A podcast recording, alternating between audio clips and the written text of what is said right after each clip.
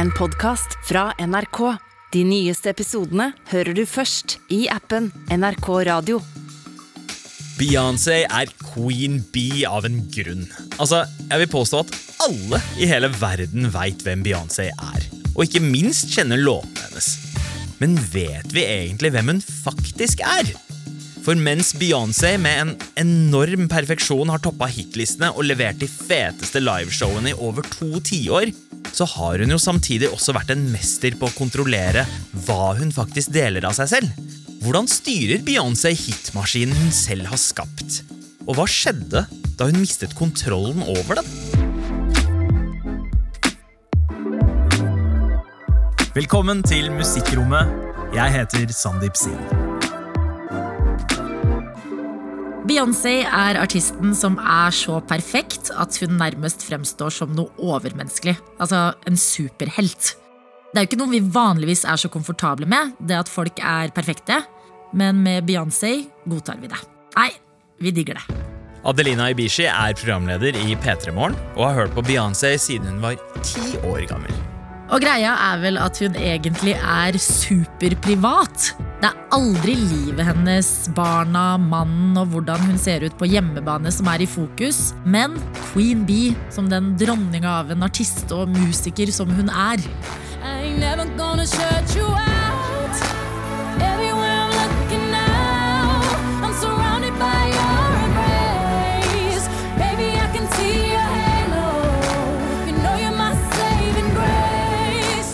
Siden vi først ble kjent med henne for 25 år siden, har hun jo satt solid avtrykk etter seg i musikkhistorien. Altså, Dama er jo en av de mestselgende artistene i verden. Og noe av det som kjennetegner henne, er jo at hun gjennom hele sin karriere har vært veldig kalkulert og gjennomtenkt når det kommer til hva hun deler av seg selv. Men på tross av at hun er så privat, er hun kåra til en av de mest innflytelsesrike kvinnene de siste 100 årene. Og det skyldes jo at hun har jobba knallhardt og målretta med musikken helt siden starten.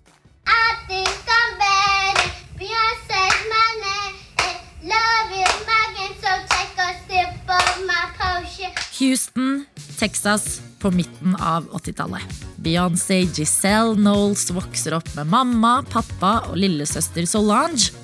Og viser tidlig at hun er glad i musikk, dans og sang. Lille Bi synger både i kirkekor og i frisørsalongen til mamma. Og så er hun så god at hun kan kreve inn penger av kundene i salongen etterpå. Og da går det jo som det ofte gjør med barn med talent i USA. Beyoncé blir med på sangkonkurranser, og som 20-åring vinner hun mot ungdommer som er dobbelt så gamle som henne selv. Should we try and say, oh, should we away? Som åtteåring blir hun med i en gruppe kalt Girls Time. Der Beyoncé og flere andre jenter synger, rapper og danser. Og de er med på forskjellige talentshow i Texas, bl.a. på et av de største på TV i USA på den tida, Star Search.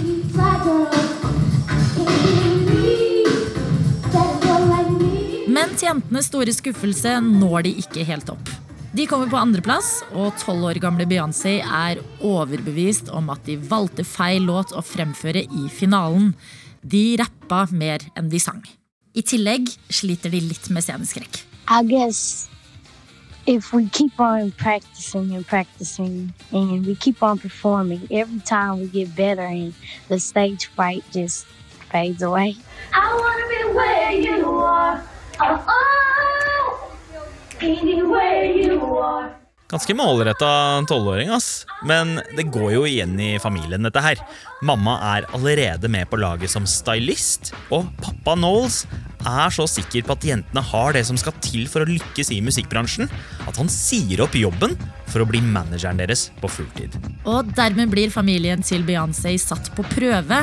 Foreldrene har plutselig mista halve inntekten, og når lovende platekontrakter ikke blir noe av, øker stresset såpass at mamma og pappa separeres en periode. Og på dette tidspunktet er Beyoncé blitt tenåring, og pappa tar grep for at de skal ha større sjanse til å lykkes. Han kutter ned på antall medlemmer i gruppa, bytter ut noen og sender de fire som er igjen, på bootcamp. And we got more serious. Our manager started us on this development camp where we woke up in the morning, went jogging, had voice lessons, practice all day. Venninna Kelly avslører at de trener mye, bl.a. løper og synger samtidig for å kunne beherske heseblesende liveshow. Og hardkjøret gir resultater. I 1997 har de fått platekontrakt med Columbia Records og endrer navn på gruppa flere ganger, før de til slutt henter inspirasjon fra Jesajas bok i Bibelen og gir ut sin aller første låt under navnet Destiny's Child. You say no, no, no, it's really yes, yes, yes, yes, yes. You be saying no, no, no, no, no. When it's really yes, yes, yes, yes, yes. Førstesingeren får oppmerksomhet, men Beyoncé er ikke helt fornøyd. Hun syns neo-soulen som preger debutplata, er litt for voksen, og får remixa en ny versjon av No No No, som da blir en megahit. Oh, yeah, no. When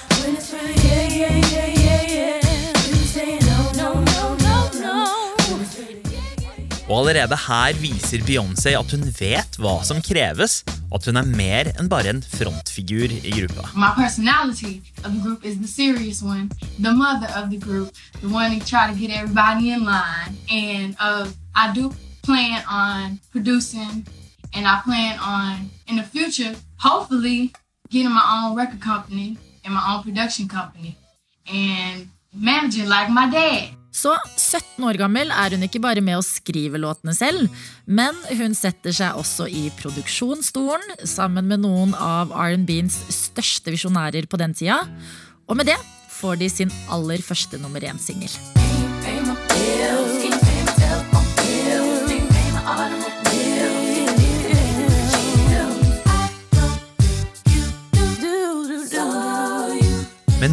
I all suksessen så får to av medlemmene i gruppa seg en stor overraskelse. For når den nye musikkvideoen til Destiny's Child blir sluppet på MTV februar år 2000, så oppdager de at to helt andre damer har tatt plassen deres. Say my name, say my name. If no one is around you, say baby I love you. If you ain't running game, say my name, say my name. You acting kinda shady, ain't calling me baby. Why the sudden change? Say my name, say my name. Altså, tenk det, ja! Finne ut at du er sparka ut av bandet ditt ved å se musikkvideoen til låta di. Altså, Det er brutalt. altså. Ja, og det blir verre, for de går til sak mot hele Destiny's Child og manager, pappa Knowles. Og med alt dette så er det jo nesten uunngåelig at det blir et heftig mediasirkus. Der Beyoncé som gruppas frontfigur får mye pepper. Det er flere som mener at hun har skylda for at jentene ble kicka. Kanskje ikke så rart med tanke på hva hun selv sier i media rundt den tida. All of the bad seeds are now out of Destiny's Child. På tross av den tøffe tonen går dette inn på Beyoncé, og hun blir skikkelig deprimert. Men hun velger å skjule det for omverdenen.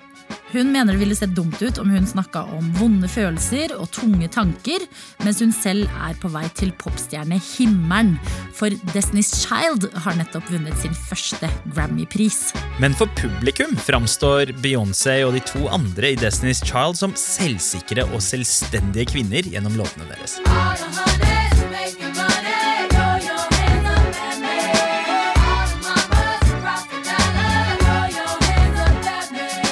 På slutten av år 2000 har Destiny's Child blitt en av verdens største grupper. Men bestemmer seg nå for å sette på pauseknappen for å vie tid til soloprosjekter.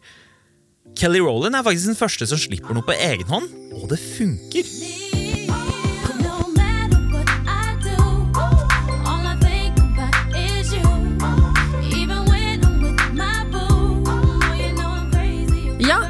Kellys suksess gjør at Beyoncés soloalbum blir satt på hold. Og hun prøver seg på film og spiller bl.a. karakteren Foxy Cleopatra i den tredje Austin Powers-filmen, der hun har med sin aller første sololåt.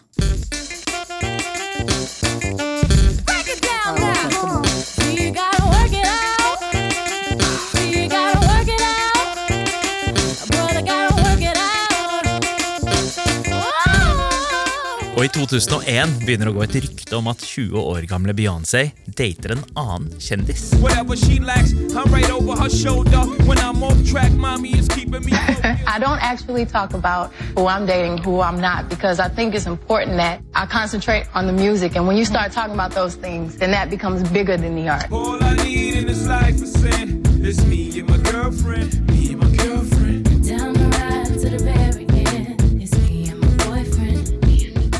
Beyoncé vil altså ikke snakke om privatlivet sitt, men det blir jo etter hvert helt klart for hele verden at hun har blitt sammen med den tolv år eldre rapperen JC.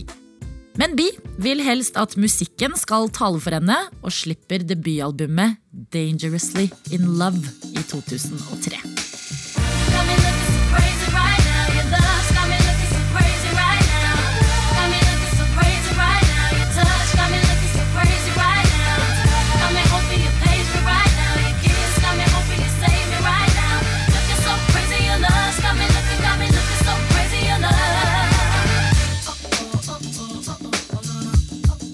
Og med den så får hun en helt insane solodebut. Beyoncé vinner fem Grammyer, og hun er den første svarte kvinnen som blir kåra til den prestisjetunge Songwriter of the Year. Og de neste fem åra pumper hun ut banger etter banger. Baby boy,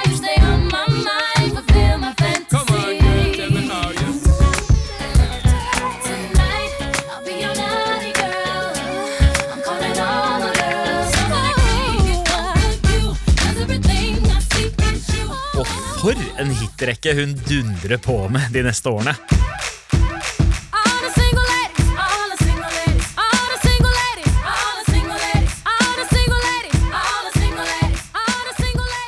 Den ikoniske låta Single Ladies slippes oktober 2008.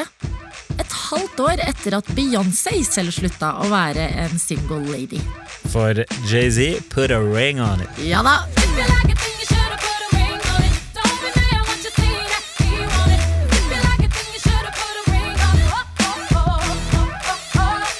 og samme år har hun laga et alter ego og kaller seg og det påfølgende albumet Sasha Fierce. Beyoncé forklarer det med at hun ikke er vant til å være på scenen som eh, soloartist.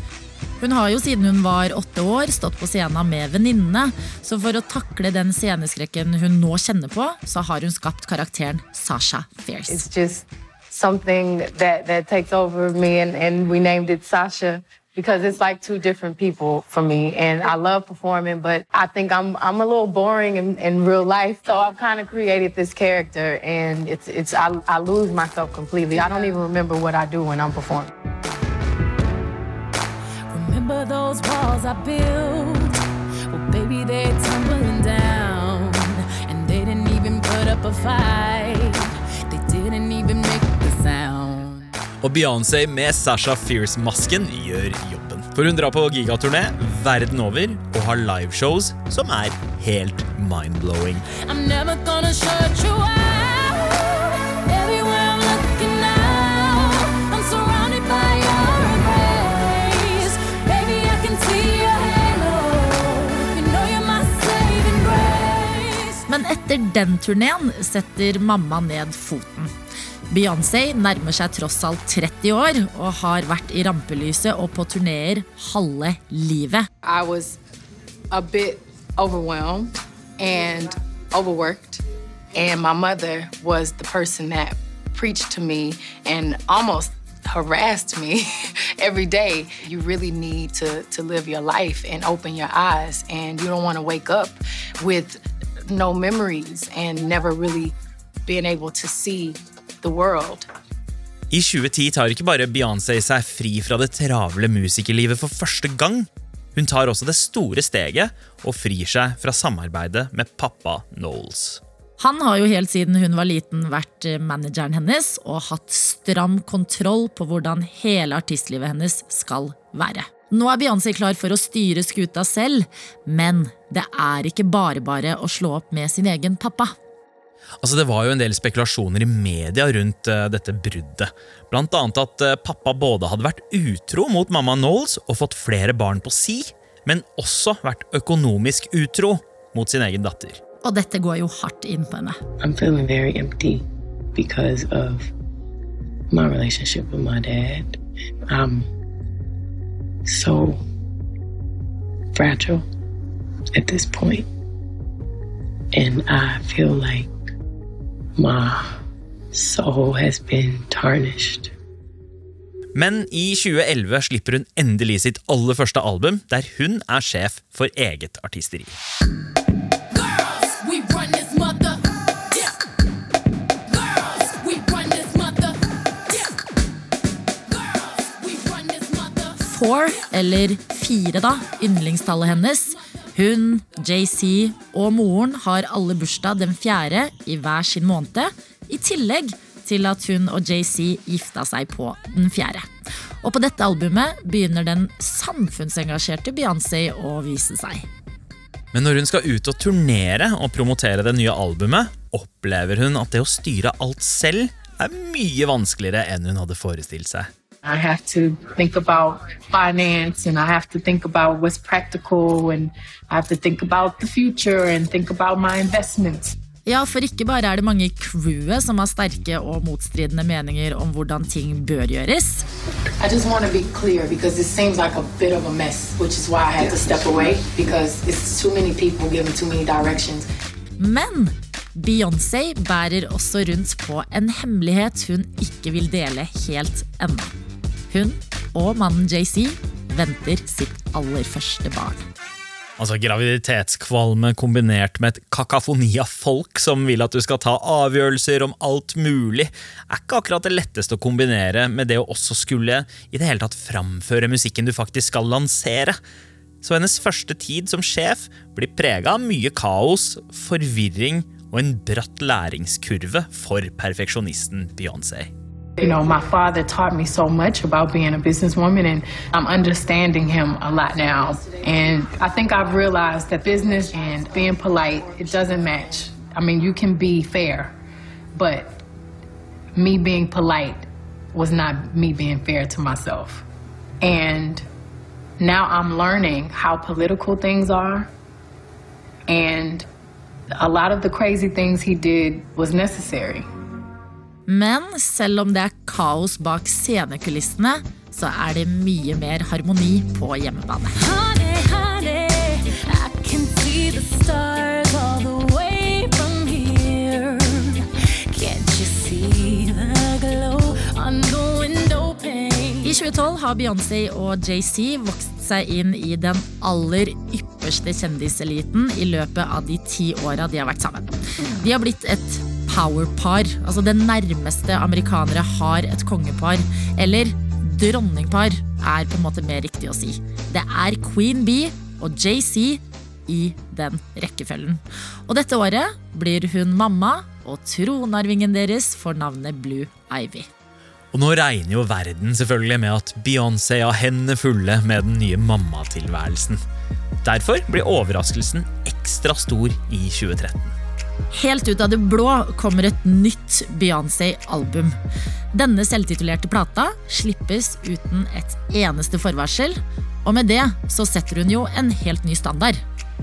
Og siden den gang så har jo mange artister kommet med overraskelsesalbum, men dette var første gang. Og det har neppe vært like svære og ambisiøse greier som dette her siden. For hvert av de 14 sporene på plata hadde hver sin velproduserte musikkvideo i tillegg.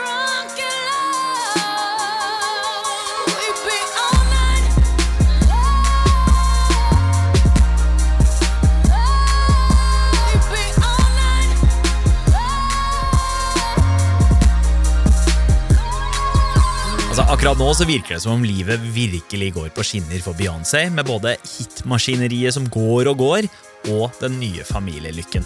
Men av og til, når alt virker perfekt, så kommer livet og gir deg en på trynet. Ja, Beyoncé går på en smell som er helt utenfor hennes kontroll. Fordi natt til 6. mai 2014 i New York, på den overdådige årlige Met-gallaen, skjer det noe som får verden til å lure på hva som egentlig foregår i superfamilien Knowles Carter. overvåkningskamera i en heis på et luksushotell fanger Beyoncé og lillesøster Solange sammen med Jay-Z på vei til en etterfest. Og så plutselig klikker Solange på Jay. Hun dæljer løs på han. Altså slår og sparker rapperen flere ganger før en livvakt holder henne tilbake. Solange fortsetter å gestikulere mot JC, og det ser ut som hun skjeller han ut. Mens Beyoncé hun står helt prikk stille gjennom hele slåsskampen. Og når heisdørene går opp og de til slutt forlater heisen, ser hun helt kald og uberørt ut. Jay-Z, Beyoncé Jay, Solange. Altså, Det finnes jo mange bilder av at de forlater heisen. Men på disse bildene så viser Beyoncé ingen tegn til reaksjon på den fysiske kranglinga mellom mannen hennes og søstera sekunder før. So the biggest story around the world seems to be Jay-Z being attacked in the elevator by Beyonce's sister Solange. The entertainment world was abuzz with questions such as why did Beyonce not react at all to the incident? And of course, why did Solange attack Jay Z in the first place? Det florerer med teorier over hele verden om hvorfor det her har skjedd. Men Beyoncé har på dette tidspunktet slutta å snakke med media, og derfor må vi vente et par år på svaret. 23. april 2016 slipper Beyoncé albumet Lemonade. Hennes absolutt største album hittil.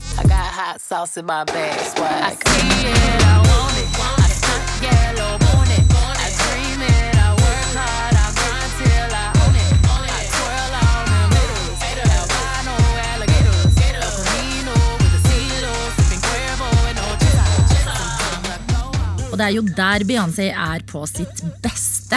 Noe totalt utenfor hennes kontroll velter verden hennes over. Og så rydder hun opp i det skjulte og svarer verden med musikk. Og siden den mainatta to år før, så har jo kjendispressen spekulert vilt i hva som var årsaken til slåsskampen i heisen.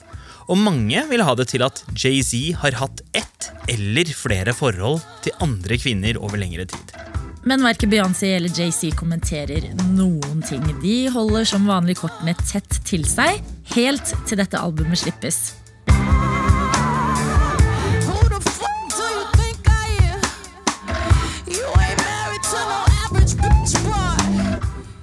For her kommer hun med noen kraftige hint om at JC har vært utro.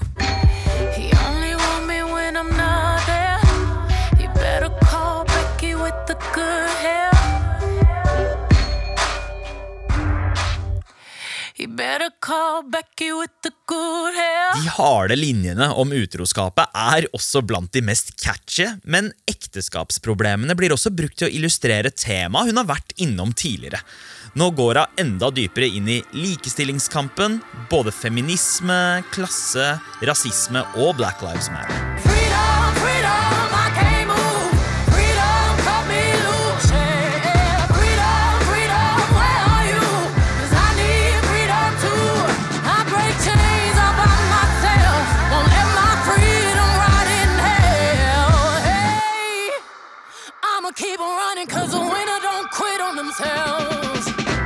Ulike temaene flettes inn i hverandre, og tekstene kan tolkes både som kommentarer til utroskapet og til likestillingskampen. Og mange mener Lemonade er mesterverket hennes. Altså Folk elsker de første platene og alle hitsa derfra, men Lemonade føles mer som et helstøpt album. Og i 2017 blir hun booka som den første svarte kvinnen i historien til å headline USAs mest kjente festival, nemlig Coachella, midt i ørkenen i California. Men en gledelig overraskelse gjør at hun må utsette hele opplegget. Hun og JC har tydeligvis fått ekteskapet på rett kjøl igjen, og ikke bare det. De får tvillinger sommeren samme år. Og når Beyoncé først skal dele noe fra familielivet, så er det herlig iscenesatt. Altså, hvem husker ikke de helgenaktige bildene hun posta av seg selv med tvillingene? Altså, deilig pompøse greier. Men det blir ikke akkurat en superlang mammaperm på Beyoncé, for Coachella skal gjennomføres våren året etter, og det å komme seg fra tvillingfødsel til scenen igjen i Beyoncé-standard, det krever sin kvinne. It's my first time back home on the stage after giving birth. I'm, I'm creating my own homecoming, and it's hard. In order for me to meet my goal, I'm limiting myself to no bread, no carbs, no sugar, no dairy, no meat, no fish, no alcohol. And I'm hungry. Og denne opptredenen er ekstremt viktig for Beyoncé.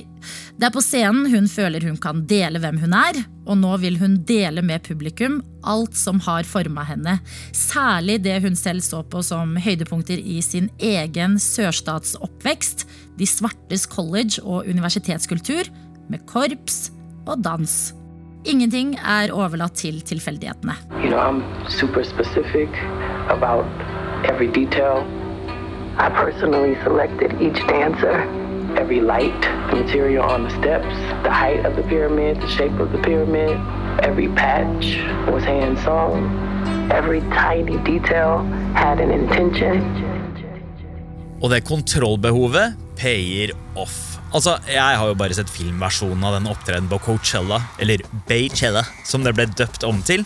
Og herregud, for et show! Altså, Queen Bee entrer scenen i et kostyme inspirert av en egyptisk dronning og leder en gigantisk armé av musikere og dansere. Og gjesteartister som hennes egen mann Jay-Z, søstera Solange og ikke minst Kelly og Michelle fra Destiny's Child.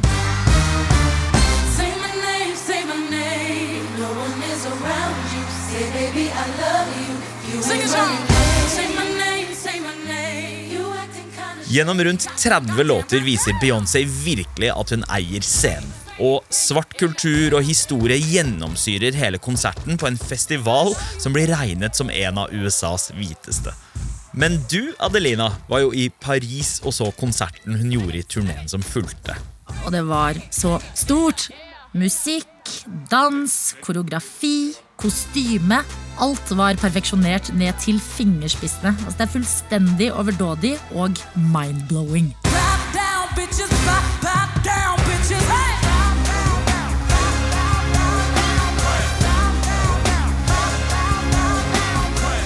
I tillegg så har hun jo ekstrem publikumsappell på sin Beehive. Hun er personlig i showene og trekker frem publikummere og inkluderer dem. Både Coachella og turneen var en enorm triumf. Men det fikk også Bee til å tenke seg om. Hun innser at kontrollbehovet hennes har gått for langt. I definitely pushed myself further than I knew I could, and I learned a very valuable lesson. I will never, never push myself that far again.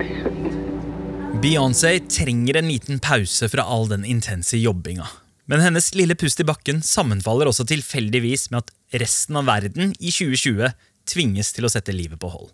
Men under koronapandemien så river arbeidshesten i henne seg løs fra den innestengte og apatiske pandemitilværelsen, og hun opplever plutselig en voldsom kreativ oppsving, nesten som en eksplosjon. Og ut strømmer det låter, en hel haug av dem faktisk, og hun har større artistiske ambisjoner enn noen gang. Sommeren 2022 kommer første del av trilogien Renaissance, der hun viser oss enda mer hvem hun er bak den lukka fasaden.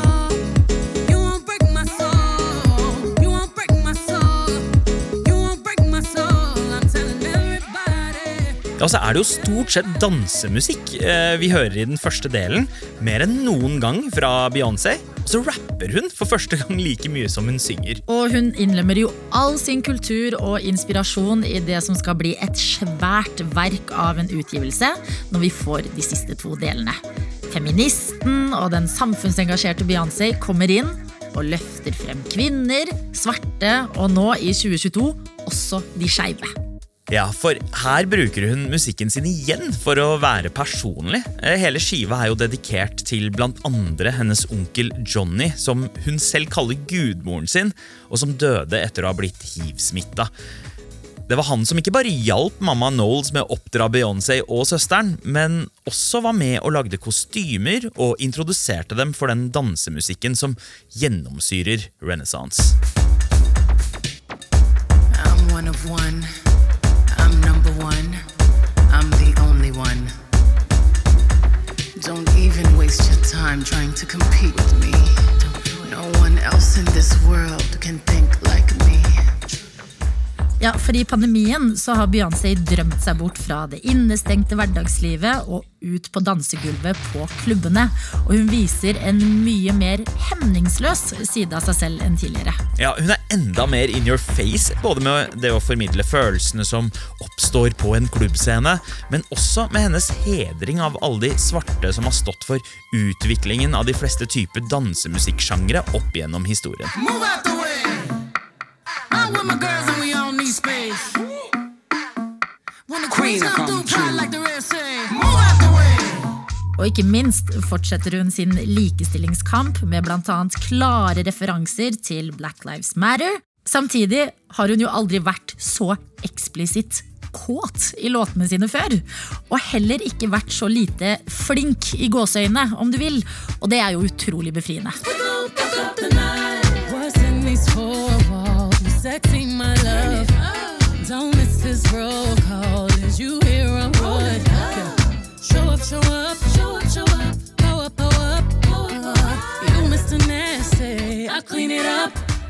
Første del av Renaissance er altså Beyoncés syvende album til å gå rett i topps. Og ikke bare det.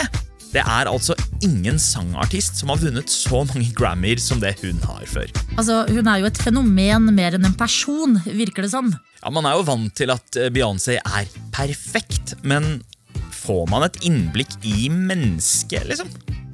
Det som på en måte er litt paradoksalt med Beyoncé, er kanskje nettopp det at hun har jo helt siden hun gikk solo vært en av de mest synlige artistene i verden. Altså Om det så er reklame for brus og skjønnhetsprodukter, forsider på alle typer magasiner, svære spillefilmer, egen kleslinje og til og med innsettingen av president Obama. Hun er der. Hun er rett og slett bare sjukt god på å minne oss på at hun finnes, og driver med branding av sin egen tilstedeværelse. Beyoncé har vært så mye overalt at det er vilt å tenke på at hun har like få timer i døgnet som oss. Men det at hun får til så vanvittig mye, er jo sannsynligvis et resultat av at hun helt siden hun var kid har vært et arbeidsjern uten like. Noe hun selv også har uttalt. I am a workaholic and I don't believe in no. I don't believe in I need to sleep. If I'm not sleeping, nobody's sleeping. Og hun har jo, som vi var inne på med Coachella, et enormt kontrollbehov. Hun vil være involvert i hver eneste lille detalj i det hun gjør. Ingenting er overlatt til tilfeldighetene. Absolutt ikke. Så da hun f.eks. hadde oppdaga en spesiell dans på YouTube og prøvd å få sine egne dansere og koreografer til å kopiere den, men ingen gjorde det bra nok etter hennes standard, så fikk hun folka sine til å lete etter de som dansa i YouTube-videoen. Og etter fire måneders intens detektivarbeid fløy de tre danserne til USA helt fra Mosambik. Og dette kontrollbehovet hennes viser seg jo aller best på eh, hva hun velger å dele av seg selv. For det er ganske stor forskjell på hvordan Beyoncé prata i intervjuer før hun gikk solo, til de siste ti åra hvor hun har kontrollert det meste selv. Altså, hun er jo superprivat, følger null personer på Instagram, og alt som kommer av info fra den kanten, det er jo på hennes egne premisser. Til og med dokumentarene, der hun prater på sitt mest såre og utleverende, så må man jo være obs på at hun har hatt stålkontroll på dette også, både som produsent, manusforfatter og medregissør. Det journalistiske i meg kan jo også bli litt frustrert for at man f.eks.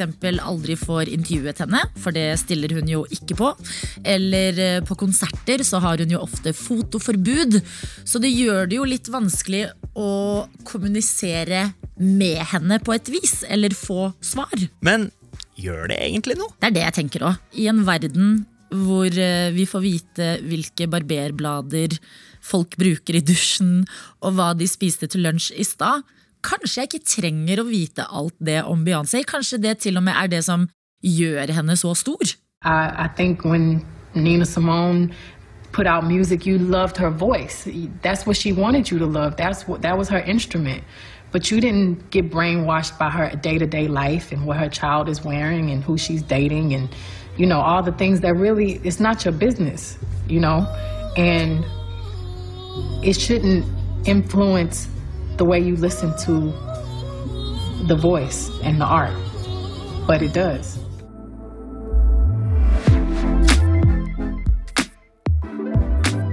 Du har hørt en episode av Musikkrommet. Hvis du likte det du hørte, anbefal oss gjerne til en venn. Takk til gjest Adelina Ibishi. Denne episoden er laget av Amund Grepperud, Jean Kristin Sena, Azar Ebrahimi, Nils Vingerheim og meg, Sandeep Singh. Redaksjonssjef er Daniel Ramberg. Du har hørt en podkast fra NRK. De nyeste episodene og alle radiokanalene hører du i appen NRK Radio.